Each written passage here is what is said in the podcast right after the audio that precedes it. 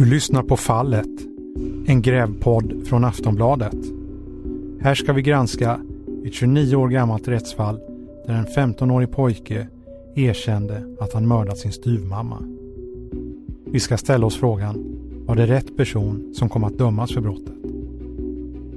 Jag heter Anders Johansson. Det här är åttonde delen. Missa inte tidigare avsnitt.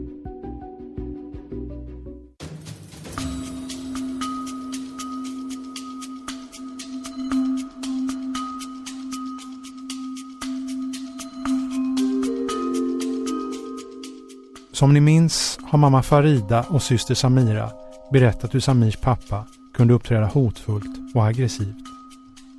Och hur de båda lidit av att de aldrig kom till tals under rättegången eller när mordärendet var under utredning för 29 år sedan. De berättade att de redan från första dagen varit övertygade om att Samir inte har begått mordet. Samtidigt vet vi att Samirs pappa uttalat hos en kurator att han inte var nöjd med Jeanette som blev mördad. Och han sa, jag svär på Gud, jag svär på Gud, hon ska inte åka dit. Hon skulle aldrig åka dit. Men han svär själv på Gud. Han sa, jag svär på Gud själv. Han, han lovar sig själv. Han ska inte lämna henne. Hon ska inte åka till Syrien och träffa sin familj.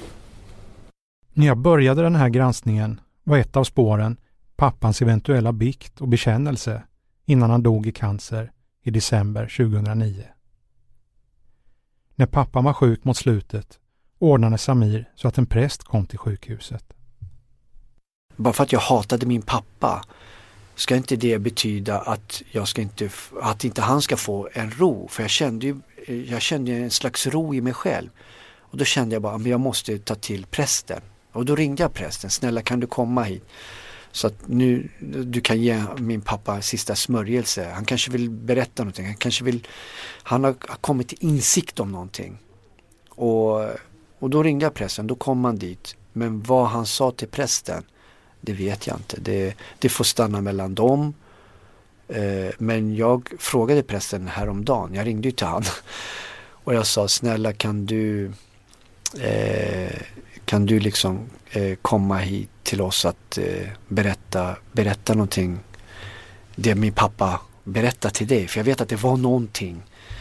Det var någonting som din pappa berättade? Eftersom pappa berättade till mig. Ja, ja, jag är helt övertygad. Eftersom han berättade till mig att det var fel det han gjorde. Så det är helt hundra procent att han ville lätta på sitt hjärta till prästen. Jag menar min pappa eh, är ju kyrkans man också. Han har ju jobbat inom kyrkan. Han var ju prästens högra hand. Han, har ju, han är ju god vän med patriark och hela hierarkin där. Så han är ju, och de brukar säga att man ska inte ta med sig någonting när man börjar närma sig döden. Att du börjar inse att du ska dö. Någon, någon synd som du har gjort. Eller du måste säga det. Så jag är helt övertygad att han har berättat någonting till prästen. Men prästen han slog ju bort när jag ringde till honom för, någon, för någon vecka sedan och sånt där. Han bara, varför grottar du in i det här gamla händelser? Eh, varför ska du ta upp det här för?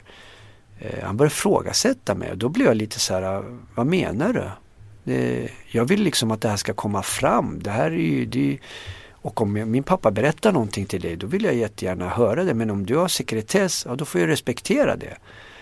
Men eh, ja, och men han sa till mig, ja men jag vill inte liksom vara vid här. Men om du vill prata av dig eller på något sätt så finns jag till hands. Jag bara, nej tack så mycket. Det, det blev lite så här Jag bara, du är ju präst, du ska väl finnas till hands som vad som helst. Men jag får respektera liksom att det är sekretess. Men nu går jag igenom en process här med mitt förflutna och jag behöver din hjälp. Så att jag vet inte, vi får väl se, vi kanske hittar andra vägar. Enligt andra uppgifter var pappan sista tiden så dålig att han inte kunde tala. Hans förmåga att kommunicera med gester var också kraftigt försämrad. Frågan om pappan på något sätt förmedlade någonting till prästen, eller om han har gjort det tidigare, tycks därför förbli obesvarad. Jag ringer Gabriel Barsavme, vikarierande generalsekreterare för Syrisk-ortodoxa kyrkans ungdomsförbund som brukar sköta kontakten med massmedia. Jag undrar hur det fungerar med bikt och bekännelse och hur vanligt det är. Alltså bikten är en av eh, kyrkans sakrament eller mysterier och eh, så det, är ju, det skiljer sig från, det är ju inte alla som biktar sig, det ju, men det är en möjlighet som finns för alla som eh, går till den syrisk-ortodoxa kyrkan att bikta sig för sin präst. Hur ska en präst agera? Låt säga att, eh, bara rent hypotetiskt, att, att den sjuke erkänner så allvarliga saker som exempelvis ett mord. Ja, det, det där är ju en knepig fråga. Eh, alltså det, grejen är att det, det måste balanseras på en, en, två olika saker. Det är nämligen att prästens eh, eh sek, eh, vet det, sekretess är den starkaste som finns och det regleras även i svensk lagstiftning. Är att en, alltså, prästens sekretess ska vara av sån karaktär att den, den personen som kommer till hon berättar ska kunna utgå ifrån helt och hållet att, att, äh, att det är så att äh, de ska känna att det inte är äh, att de inte ska kunna, det ska inte kunna gå vidare till någon, någon, någon annan överhuvudtaget. Om Samir själv eller någon annan person, till exempel Samirs advokat eller om jag som journalist skulle kontakta den prästen, vad kan jag förvänta mig för svar då? Eh, ingenting. Förmodligen. Att han får inte bryta sin sekretess. Nej. Nej definitivt inte till eh, till eh, alltså till eh, journalist till exempel. Utan speciellt om det står länge, lång tid tillbaka också så, så tror jag kan han inte röja på några vikthemligheter. En präst kan aldrig slippa sin sekretess, förklarar Gabriel Barsavme, vikarierande generalsekreterare för Syrisk-ortodoxa kyrkans ungdomsförbund. Och så är det både enligt kyrkans ordning och svensk lag. Rättegångsbalkens 36 kapitel, femte paragraf. Jag var inte säker på hur det låg till, men nu när jag kontrollerat ser jag att det stämmer. Präster har absolut tystnadsplikt när det gäller sånt som sagts under bikt eller så kallad enskild själavård. Och det betyder att de inte får höras som vittnen om sådana saker. Det gäller präster i alla trosamfund. Spåret med prästen måste jag alltså släppa och gå vidare. Vilka mera kan veta något om det som hände på Glömmingegränd 20 i Tensta den 21 maj 1986? Vad vet Jeanettes släkt i Sverige? Jag talar med kusinen Adib, vars mamma var syster med Samirs pappa och vars pappa är farbror till Jeanette. Han berättar att relationen med Samirs pappa alltså Adibs morbror, var mycket frostig. Kontakten mellan familjerna var rättare sagt obefintlig. Första tiden gick bra, men sen skar det sig. Samirs pappa och hans syster talade inte ens med varandra. Av pressetiska skäl har vi ersatt Samirs pappas namn med ett pip. Allt eh, gick åt skogen sen. Mamma ville ju inte prata med honom inte vi heller. Sen kom ju mina bröder, de flyttade ju hit va, från Syrien. Mina andra bröder. Och då gjorde ju, han gjorde så att, uh, att uh, han inte ville att de skulle komma hit. Då började han att skicka massa brev till Migrationsverket, dessa människor. Mina bröder, om de kommer hit, de kommer göra det ena och det andra. Han försökte förstöra för dem om man säger så. Va? Och det hade vi papper på. Då blev ju mamma arg. Hon sa jag vill inte se honom. Hur kan han göra så mot mina söner? Förstår Han skickade massor med brev till Migrationsverket. Min äldste bror hade ju problem i tre, fyra år och fick inte stanna här fast vi hade fått uppehållstillstånd om man säger så. Oj, så det, han, var, han var jätteduktig på att skicka brev och anmäla det ena och anmäla det andra. Och han var jätteduktig på det. Att förstöra för andra. Vad, vad ledde det till för din äldre bror alltså? Han, han hade ju problem. Han fick avslag en, två, tre, fyra gånger. Men vad var det han skrev i breven då? Att eh, min bror, eh, jag vet inte riktigt men hans brev var ju inga trevliga. Han, han ville inte att han skulle stanna här helt, helt och hållet. Det ville han inte. Min mamma ville ju inte träffa honom och ja, vi tog ju avstånd från honom. Och ja, det ena och det andra. Så att, eh, men, men vad, vad, det här i breven, var det, vad, vad ska man säga, var det falska saker han skrev som Precis, precis, precis, precis. Han hittar på saker och Migrationsverket går ju på det och min bror Österbo får ju avslag några gånger och, och det blev ju lite tjafs mellan min pappa och han i kyrkan. De träffades i kyrkan en gång, nu kommer jag ihåg det. Så tog ju min pappa dessa brev och kastade i ansiktet på honom, det vet, framför alla människor i kyrkan. Då. Jag Oj. kommer ihåg den här. Ja, det kommer jag ihåg det. Så gick eh, min bror till polisen i Vällingby gjorde en polisanmälan mot min pappa. Att han slängde papper i ansiktet på honom men polisen hade ju lagt ner skiten. Det, var liksom. det här kommer jag ihåg till min pappa hos polisen i Vällingby. Så att han försökte, försökte med sina brev och...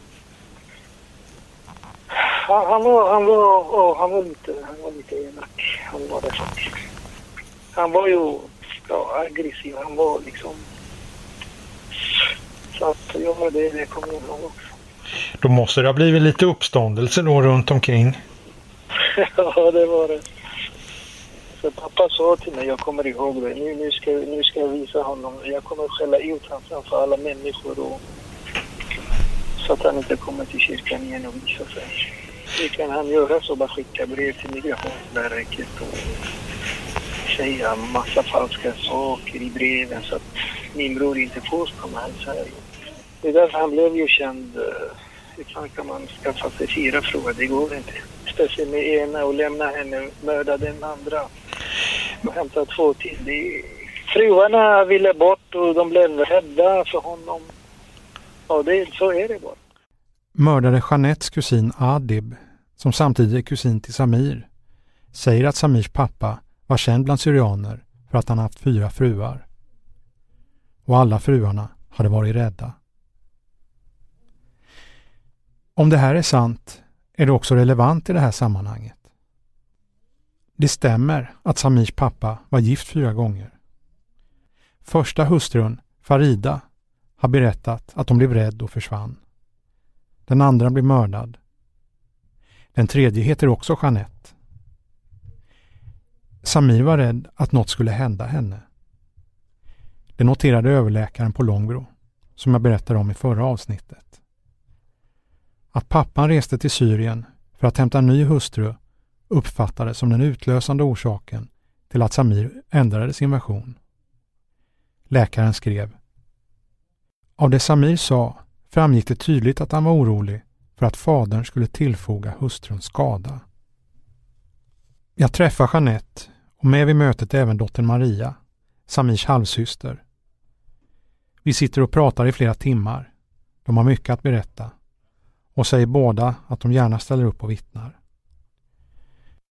Jeanette träffade Samirs pappa i Syrien sedan en högt uppsatt polisman hade rekommenderat honom. Det blivande paret träffades två, tre gånger och drack kaffe. Tolv dagar efter första mötet står bröllopet. Det hölls den 24 november 1987. Alltså ett och ett halvt år efter mordet. Tre månader senare kom Jeanette till Tensta. Och hur blev det? Tillfogade Samirs pappa den nya hustrun någon skada? Dottern Maria börjar ordna med kaffe och bullar och jag hinner inte ens ställa frågan till Jeanette. 27 år tillbaka exakt. Jag flyttade till Sverige. Han gick ner till sin Jag är gift och jag kom 29 februari 1988. Och då flyttade jag till Sverige. Och samma dag han hämtade mig från Arlanda. Han bodde i Tensta. Nu börjar kriget där. Han vill visa mig att han har makt. Jag varde ingenting. Plus, han har slagit mig.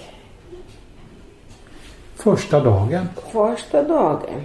Jag var med barn. Jag mådde jätteilla. Och jag har inte ätit på tre månader nästan. Jag, kräks och så när man mår illa med barn. Jag var med Maria. Ja. Och första, hand, första ordet han sa till mig, den här barnet ska bort. Du ska göra abort. Tre månader. Jag, jag bor i toaletten. Jag kommer aldrig göra. Jag kommer aldrig göra. Glöm det. Okej, okay, och, och då tänkte jag okej, okay, och jag mådde jätteilla och han blev jätterädd och jag mådde dåligt. Han själv tog mig till Karolinska. Jaha. Och när jag är inne på Karolinska då de tog HB på mig, eller jag kommer inte ihåg riktigt men de kan inte skicka mig hem. Jag mår så dåligt. Ja. Jag kommer in på sjukhus på en, efter två dagar som jag kom till Sverige. Jag har sovit en natt hemma.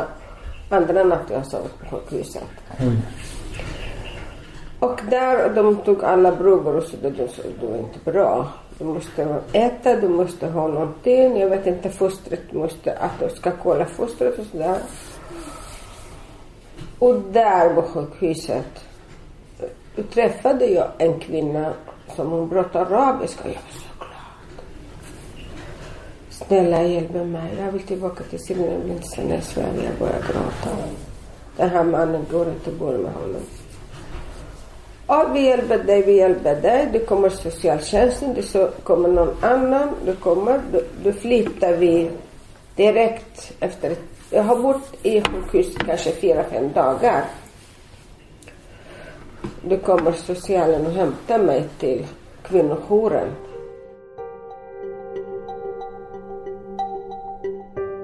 Jeanette, som alltså var den tredje kvinnan som Samirs pappa var gift med, flyttade tillbaka till honom men berättar att hon hela tiden kände sig kontrollerad. Dottern Maria föddes och så småningom kom även Samir och hans lillebror dit. Hon kände till att makens förra hustru hade dött. Men hon hade inte fått veta att hon blivit mördad. Det fick hon höra senare. Men efter att ha träffat Samir trodde hon inte att han kunde ha gjort det, eftersom Samir var så liten. Vid ett tillfälle, när Jeanette var inlagd på sjukhus, sa Samir att han skulle hjälpa henne. Jeanette fortsätter berätta om första och enda natten hon fick sova över på en psykiatriavdelning. Jag var jätterädd. Jag kunde inte sova. Jag får inte ringa till mina, min familj i Syrien. Telefonen att liksom är spärrat. Eh, och jag mår jättedåligt. Jag är ensam i Sverige. Jag har en liten flicka. Ingen kontakt någonstans. Ingen skola. Ingen grannar. Ingen som alltså. Och jag känner mig att jag, vad är för livet? Jag är jätterädd, jag gråter hela tiden. Och sen liksom, mamma, mamma, se allt, jag hjälper dig. Mamma, jag vet du är rädd. Han levde att jag är rädd, hans pappa. Jag var jätterädd han ska mörda mig. Jag var jätterädd. Jag, har inte sovit, jag kunde inte sova på nätterna. När vi sover, då sover vi. Vi hade spegel. Han har jättefint rum. Det är som en kung. Jag, jag sover ryggen så här att jag tittar på spegeln när han går ut på toaletten eller han vaknar på natten. Jag tittade på spegeln för att jag ser honom. Han har en kniv i handen eller inte. Så här levde jag. Jeanette berättar också hur Samirs pappa pratar om sin förra fru.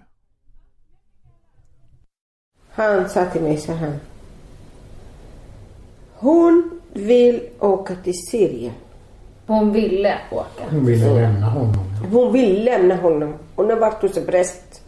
Hon frågade alla. Hon, vill, hon fick inte skilsmässa. Hon köpte massor med kläder till hennes familj eller hennes bröder. Då, då såg jag kläderna kvar hos honom. Han inte slängde dem. Och han sa, jag svär på Gud, sa till mig. Jag svär på Gud, hon ska inte åka dit. Han berättade till mig, han, att, han sa, jag svär på Gud, själv. Han, han lovar sig själv. Han ska inte lämna henne. Hon ska inte åka till Syrien och träffa sin familj. Hon skulle inte göra. Hon får inte från honom. Men hon vägrade. Hon köpte mycket kläder alla, till hennes familj och sådär. Med smyg alltså. Han såg inte det. Och då. Han liksom, han är planerat. Efter han har svarat på Gud, han ska inte lämna hon, hon, henne, mm. åka till Syrien. Mm. Dåtiden har planerat att han ska mörda henne. Innan hon åker till Syrien och berätta allt i hans liv. Och då sa han att han mördade henne? Eller hur sa han? Han inte sagt att jag har mördat henne. Han sa jag har, jag har vunnit och stoppade henne och åka till Syrien. Jag har svarat på Gud.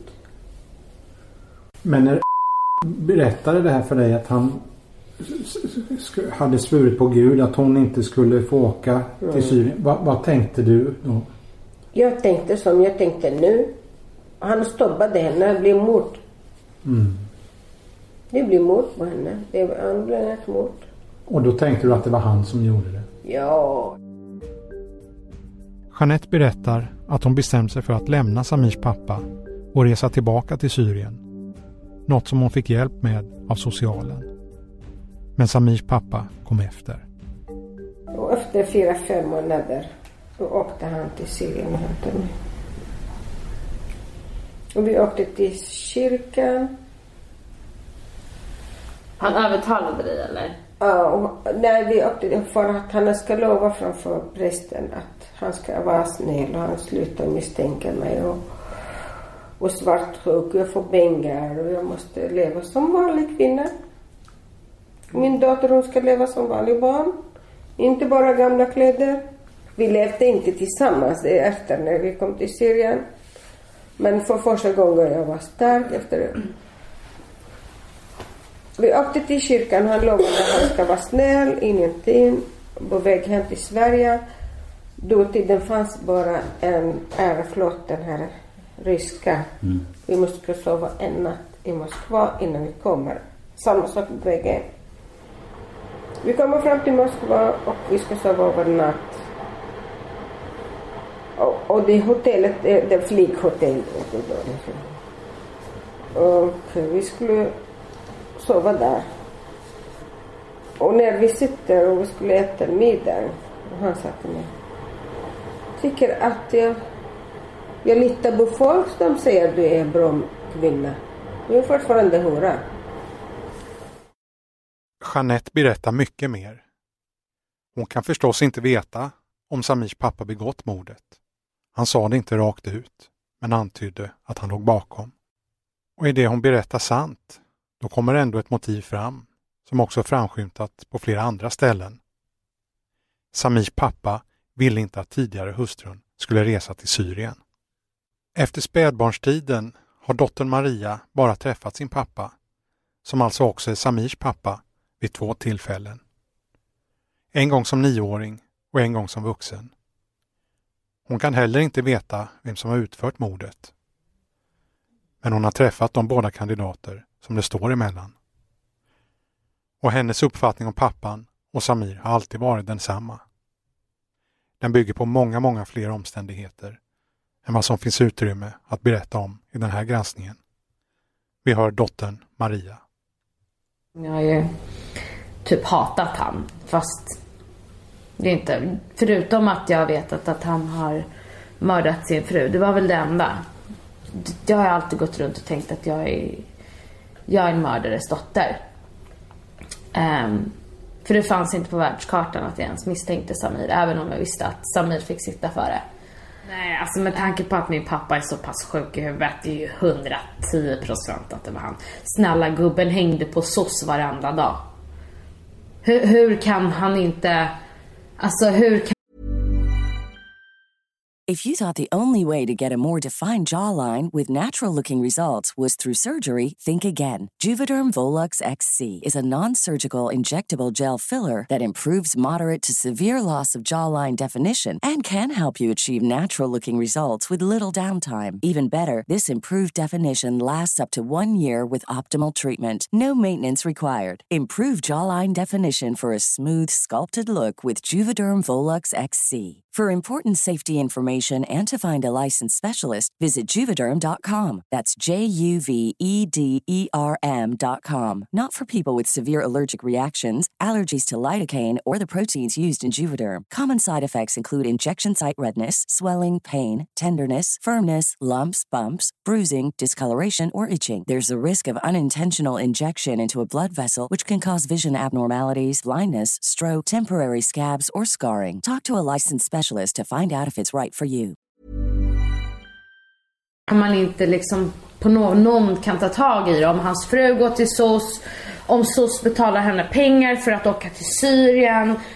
Alltså det var ju det de gjorde. De gav ju dig pengar för att åka till Syrien med mig när du flydde från honom. Sen kom ju han och hämtade dig igen. Mm. Men om SOS ger dig pengar för att fly från din man, då är det ju uppenbarligen något fel på din man. Då kanske jag ska köra någon utredning på honom om hans son då sitter inför för ett mord. Uh, alltså rättssystemet, vet jag blir mörkrädd. Jag blir mörkrädd. Jag, själv, jag, jag jobbar själv inom myndigheter så det är så här. Eh, jag fattar inte hur man inte har tagit tag i det här. Jeanette berättar vidare, liksom Adib, Samirs kusin, att Samirs pappa skrev en mängd brev till exempelvis myndigheter. För mördare Jeanettes far blev det konsekvenser. Han stoppades från att komma till Sverige på sin dotters begravning.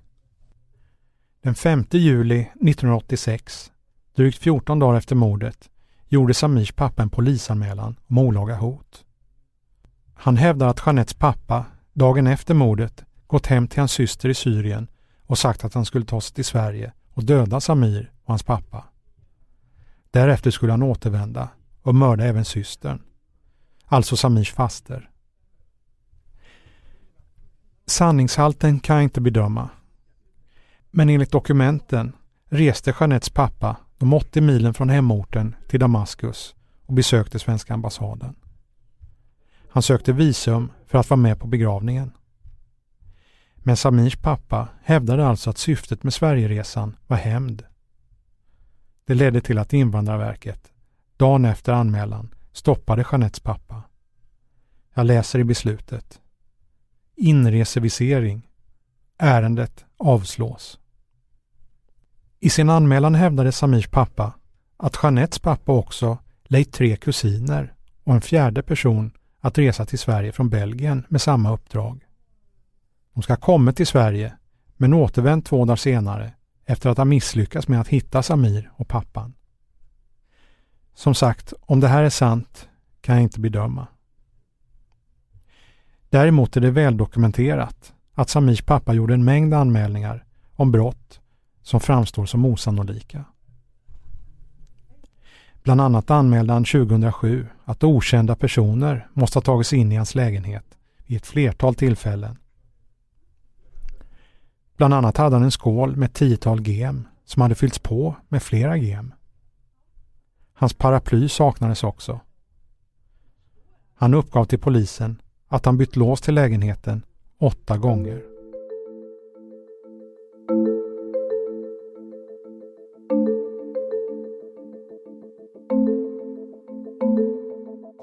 Under tiden som Samir var intagen på Långbro sjukhus blev pappan snart en välkänd person.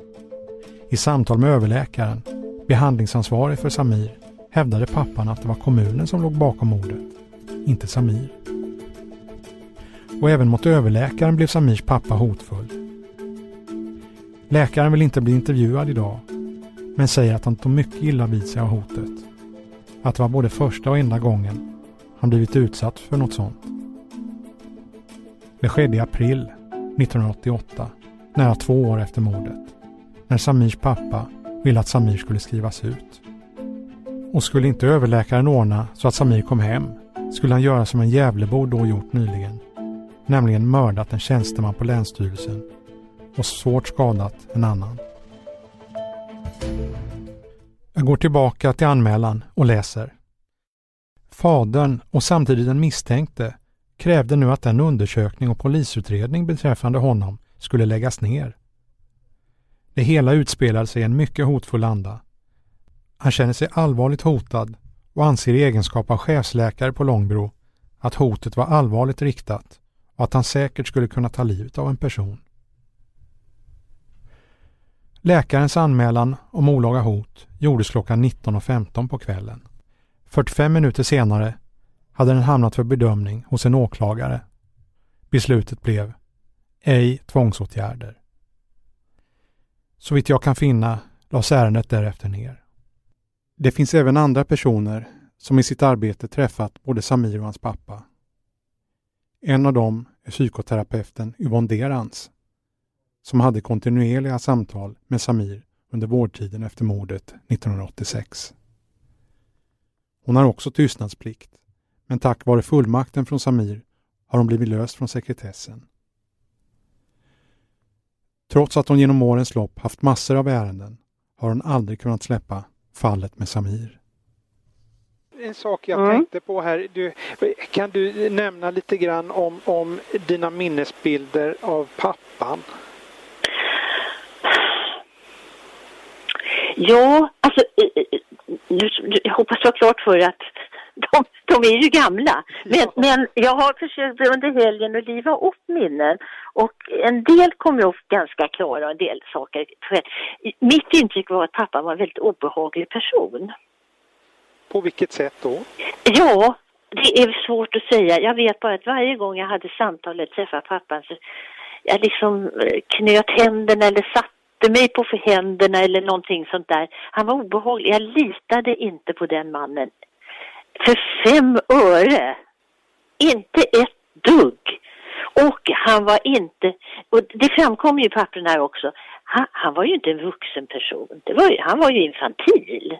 Det, det sa du ju också i det här gamla förhöret då, 88, att, att eh, din uppfattning var att det var pappan som var barnet i familjen och Samir Just det. pappan som Ja. hade hand om alla. Allting. Ja. Och det lades ju ett oerhört ansvar. Nu ska man ju klart för sig att det är en annan kultur, de är ju syrianer. Men det hjälper inte, jag menar skit i kulturen höll jag på att säga. Pappan var, pappa var ett barn och han överlevde allting. Så jag kan mycket väl tänka mig att han ville överlåta det här på Samir. Och det var väl planen från början. Att han skulle utföra det här. Och, och, och syftet, idag skulle jag aldrig kunna svara på. Om jag hört eller förstått det, det vet jag inte. Han ville väl bli, bli av med den här kvinnan för han skulle ju ha en ny.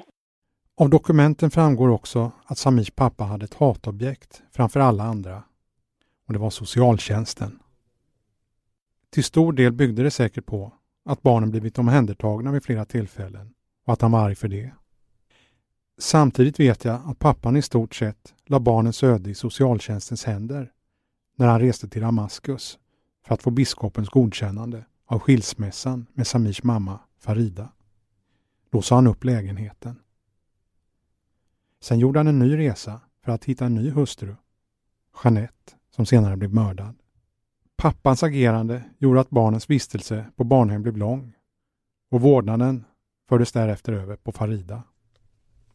Samirs pappa upplevde hur som helst att han var förföljd av socialtjänsten och hävdar att socialtjänsten till och med skändat mördade Jeanettes grav.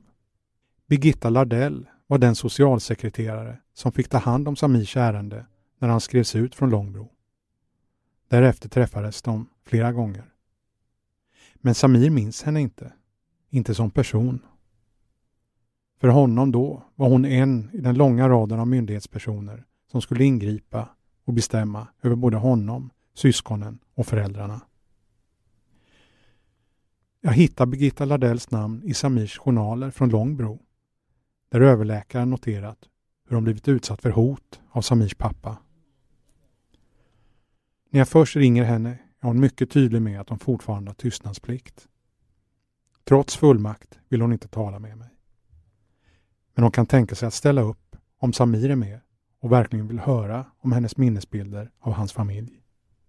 Samir vill inget hellre. Han har en mängd frågor han skulle vilja ha svar på, som ett led i att förstå hur hans liv kom att bli. Inte minst undrar han hur socialen kunde placera honom tillbaka hos pappan, som han precis tidigare angett för mord. För det var ju det beslutet som gjorde honom hatisk mot samhället. Det var efter det han åkte runt i en bil och sköt vilt med pistol.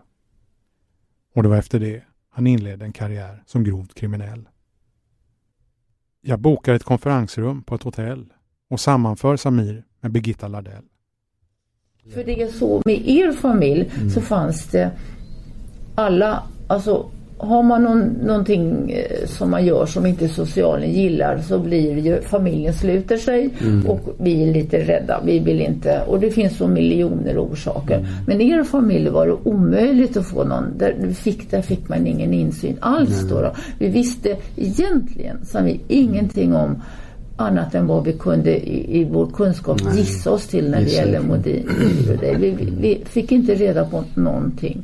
Och vi kan förstå visst att vissa saker, att du ville någonting och så ändrade det mm. på grund av att det var svårt men också påtryckning av din mm. pappa. Men det här är ju bara, det vet inte vi för det fick vi inte reda på. Va? Nej, jag fick inte, jag fick, nu när du säger så, jag fick inte säga någonting vad som skedde i hemmet. Nej, alltså det, innan, det förstår innan mordet. Att, att din pappa utövar påtryckning mm. och också, alltså även att man ändrar sig grundläggande. Alltså det, det gör man under mm. föräldrar som vill någonting väldigt mycket och det gjorde och om Hotade han dig eller? Alltså jag säger så här, jag minns inte Nej. det. Jag minns inte. Det är så här att eh, jag minns inte en enskild situation mm. men däremot han var hotfull i sitt alltså, beteende. Ja, i sitt beteende. Ja. Varför ni vill veta om han hot, att han var hotfull, mm. det är ju, var han det mot barnen? Och det är jag övertygad om. Ja. Så va. Mm. Minns du någonting om huruvida du tänkte på om det kunde vara så att det var pappan som var mördaren i själva verket? Och när Samir begärde resning så självklart så måste vi ha diskuterat det va. Och eh, mitt minne är så att visst så här oberoende mm. av om Samir skulle ha begått själva mordet så var det ju inte helt fritt ifrån en påtryckningssituation. Mm. Så vi såg det som oberoende av mm. vad du hade gjort eller inte gjort så var du ändå ett offer under din pappa. Det var mm. så vi pratade om det. Men jag tänker bara om, om, om ni ändå har tänkt sådär. Äh, ni har pratat, men det kanske inte är Samir eller det kanske är Samir. Äh, men det, han har säkert fått påtryckningar från sin fader. Alltså bara om ni pratar om sådana saker och då är det alarmerade. Jag säger det liksom, shit då måste vi ta bort Samir från farsan. Alltså det är min första tanke. Ja. Mm. Och då kan jag inte svara på varför inte. Nej jag säger inte nej. varför. Nej, men, jag, nej, ja. men jag, det förstår, och det så här, det förstår jag att du mm. tänker. Och det, så tänker jag också nu. Och då, och varför... Och, hur diskussionen gick, alltså jag, jag minns ju inte det. Det, här, det, det minns jag ju inte precis. Nej. Eller, om, om du sa när jag, under påtryckning, jag ville vara hos pappa och, och att vi då bedömde, ja det går inte, du kommer rymma. Alltså det här är ju efterkonstruktioner, jag vet mm. inte det va. Men att du, att du tänker så. Det, det, det, så tänker jag också. Hur mm. kunde vi låta dig bo hemma hos din pappa då? då? Mm. Det, det, kan man ju bara säga i efterhand då. Alltså, mm var oskickligt, var oprofessionellt, ja. var omänskligt. Ja. Eh, att man inte lyssnar mer på dig. Birgitta Lardell, pensionerad socialsekreterare, använder uttrycket resning. Det vill säga att domen mot Samir skulle prövas på nytt. Det var ju det han ville när han tog tillbaka sitt erkännande ett och ett halvt år efter mordet. Men då var det ju ingen som trodde på honom. Och eftersom ingen egentlig granskning av ärendet gjordes stod domen mot honom fast. Samir var då två månader från att fylla 18 och bli myndig. Birgitta Lardell minns inte vilken betydelse hans ålder hade för placeringen utan föreslår att vi ska söka efter besluten för att få de rätta svaren. Och i Stadsarkivet finns de kvar. Och här framskymtar en del av svaren. Som huvudskäl till placeringen hemma hos pappan anges, och jag läser 1. Att man ej har hittat någon lämplig institution som anser sig kunna erbjuda Samir den vård han för närvarande tycks behöva. 2. Samirs fader och Samir motsätter sig båda en institutionsplacering. I tjänstutlåtandet som Birgitta Lardell var med och skrev framgår att socialtjänsten inte var helt nöjd med att Samir skulle tillbaka till pappan. I utlåtandet skrev de nämligen också, och jag läser.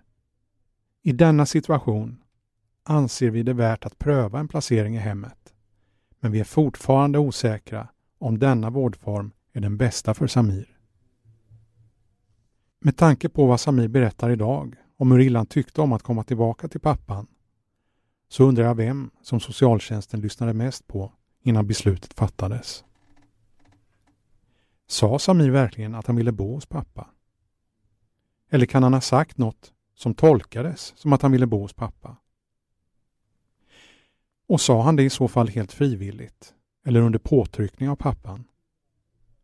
Eller sa Samir ett tydligt nej, men att det inte gick fram?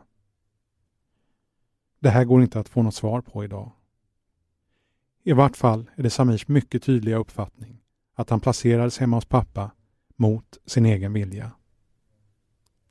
Jag tänker att om det var den bilden Samir hade av socialtjänsten, att ingen egentligen lyssnade på honom, då hade han inte så många att vända sig till för att få hjälp. Vad skulle han till exempel göra när han, som han berättar, plötsligt blev uppmanad av pappan att begå mordet? Vi hör Samir, som nu en gång för alla vill gå till botten med sitt förflutna. Han, han sa till mig att, att jag ska döda henne. Första gången, då sa jag, ja men vänta nu, döda, hon, du vill bara gå och skilja dig. Det var inget svårt med det här. Och då tänkte jag, men när vi tog en, eh, en fika, det var så vi gjorde, vi tog en fika när han började prata om det här. Då tänkte jag, men det här är väl bara någonting som, för han har alltid sagt, ja jag ska döda, jag ska, när han misshandlade henne många gånger som, hon, som han gjorde så, så svor han hela tiden, jag ska döda, jag ska döda. Så när han och jag vi gick och fika och när han berättade första gången att jag ska döda henne.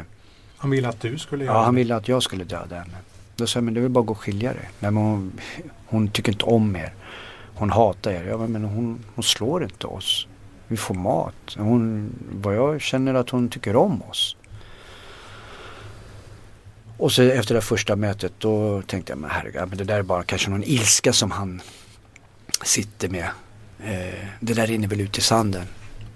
Och sen andra gången när han kom och sa han att nu, ska vi, nu ska vi gå och köpa kniv. Då bara, vad händer nu? Då, då hamnade jag i en, situation som jag bara kände, jag kan inte ta mig ur. Vad, vad är det som händer? Ska jag ringa till polisen? Ska jag ringa till socialen? Jag kände, alla hade ju svikit mig längs vägen sen jag var på, på ung, vad heter det, barnhem. Jag hade ingen som jag kunde lita på. Ingen vuxen som jag kunde prata med. Kompisarna går man ju knappast att prata om det här. Ja, pappa har eh, sagt att jag ska döda min styrmamma. Vad, vad tycker jag ska göra? Det är inga sådana, det som händer och sker i hemmet det brukar oftast stanna kvar där. Eh, och jag kunde inte vända mig till någon. Men jag kände, ja men jag kommer inte göra det här. Då händer ingenting. Så tänkte jag, det, händer, det här kommer inte ens ske. Det kommer inte ens hända för jag kommer inte göra någonting. Det här är hans ilska. Det här kommer, kommer liksom rinna ut sanden. Men jag trodde aldrig att han skulle göra det. Aldrig. fanns inte ens en tanke. Men då när han bad dig om det här, vad svarade du då? Ja, eh, när han sa rakt ut. Nej men det var då jag svarade, men du vill bara gå och skilja dig. Just det. Eh, nu när du säger det här, då eh, när han kom till mig, eh, om det var andra gången eller tredje gången. Tredje gången måste vara det. Tredje gången så kom han till mig och säger varför har du inte gjort det? Då har vi förmodligen redan handlat in kniven. Då vet jag att jag sa till honom så här, ja men jag hade gått in i rummet och sett att hon låg på magen så jag kunde inte göra det. Och eh, då säger han så här till mig, ja men det är bara att hoppa på henne. Och så han visade liksom hur jag skulle dra till med kniven och vrida Oj. till och Oj. sikta på hjärt, hjärt, hjärttrakten. Och sen som om man gröper Ja, sådär. vrider. Vrider och sådär. Och eh, jag bara, ja ja okej okej okej. Så jag tror att jag, eh, jag kände bara att antingen liksom, det var obehagligt efter ett par gånger. Eh, och, men samtidigt så säger jag till mig själv, men jag kommer inte göra det så det här kommer bara liksom. Kom. Det, men jag kände det här att där någonstans så gick jag längre ut från familjen. Jag, jag ville inte vara hemma. Jag ville inte liksom, eh, det var en obehaglig känsla där. Eh, ja, det var, jag sökte mig utåt. För det låg över dig lite grann, det här som ett krav. Det var som ja, kunde... uppifrån liksom. Det kändes liksom, eh, ja. Jag kunde inte prata med kurator. Det fanns ju ingen jag litade på. Det fanns ju ingen jag kunde prata med alls. Normalt så skulle man ju ringt till polisen. Ja. Normalt så kanske man går, eftersom vi hade socialkontakt. Jag skulle sagt det till socialen men de har ju ljugit för mig när jag var Ja. liten. Jag, jag litar inte på någon. Pappa var den enda personen som jag litade på.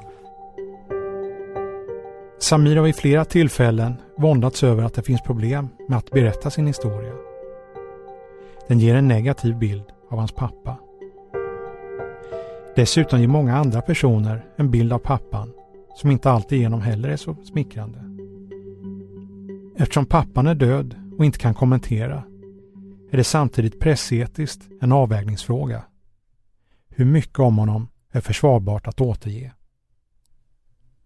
Men i det här sammanhanget, när Samirs skuld ska granskas, när hans version ska värderas, för att kunna bedöma om domen mot honom är korrekt, då behöver också den alternative gärningsmannen granskas. Därför är det relevant att tala med personer som kan veta något om pappan. Personer som väntat i många år på att få sin röst hörd. Samir vill därför att det påpekas att hans pappa var sjuk. Att hans beteende berodde på sjukdom snarare än på utstuderad ondska. Att pappan var en person som behövde hjälp, som borde fått vård, men inte fick det. Alltså man får inte glömma bort eh, nu ska vi inte bara slänga, eh, säga det ena och det andra. Utan jag vill bara lyfta upp sanningen. Men jag kan säga så här, han har, han har, han har också sina goda sidor också. Eh, jag menar, när vi blev sjuka så, så tog han oss direkt till sjukhuset. Han tvekade ju inte. Så han har ju, han har ju haft sina goda sidor också där. Men han har ju varit sjuk. Han behövde hjälp. Han fick inte den hjälpen. Och det är viktigt också att man lyfter upp dessa saker också. Det är ändå, det är ändå min, min far. Och, och ändå, ända tills han dog i stort sett. Det var då jag förstod att han har varit sjuk. Och där fick jag min lösning. Genom att jag anklagar min pappa för allt det ena och det andra. Och varför, varför? Ja men där fick jag ju svaret. Han har varit sjuk. Där jag har, där jag har ändå en känsla av att det här är min pappa. Det kan ingen ta ifrån mig heller. Den finns där. Eh, när, han, eh, när han eh, ger oss mat eller han kanske gav oss en liten slant. Man blev glad, man fick gå och köpa någonting. Eller, och, han, och han fanns där. Han brydde sig om Han brydde sig om, ja, ja det får man inte glömma bort. Va? Men i det andra skedet att han kunde skifta på det här sättet. att eh, så jag, det, det, det är tragiskt. Det är en tragedi alltihopa och sen att inte han fick den riktiga hjälpen. Samir tror att deras pappa agerade efter bästa förmåga med sina barns bästa för ögonen. Men pappan kände sig samtidigt motarbetad och maktlös. Hans tillstånd noterades av flera myndighetspersoner, exempelvis inom socialtjänst och sjukvård. Men ingen ingrep. Anmälningar mot honom kanske kunde ha lett vidare, men i stort sett allt lades ner utan att ens gå till åtal. Vad berodde det på? Jag vet inte. Det kanske är föremål för en helt egen granskning. Kunde mordet på Samirs styvmamma ha förhindrats? Ett vet vi. Det skedde. Men exakt vad var det som hände? Hittills har experter uttalat att inget kriminaltekniskt binder Samir till mordet. Det skedde medan pappa och lillebror var kvar hemma. Och då kommer vi till några av de avgörande frågorna i den här granskningen. Vad gjorde egentligen pappan på morddagen? Och vad kan Maria, fjärde hustrun, berätta? Och hur var det med lillebror? Blev han vittne till mordet? Det ska jag undersöka i nästa vecka av fallet. Du har lyssnat på Fallet, en grävpodd från Aftonbladet. För mer information och extra material gå in på fallet.aftonbladet.se. Där kan du också höra av dig om du har uppgifter eller synpunkter du vill dela med dig av. Vill du diskutera i sociala medier, använd gärna hashtag fallet. Reporter och programledare Anders Johansson, producent är Patrik Syk.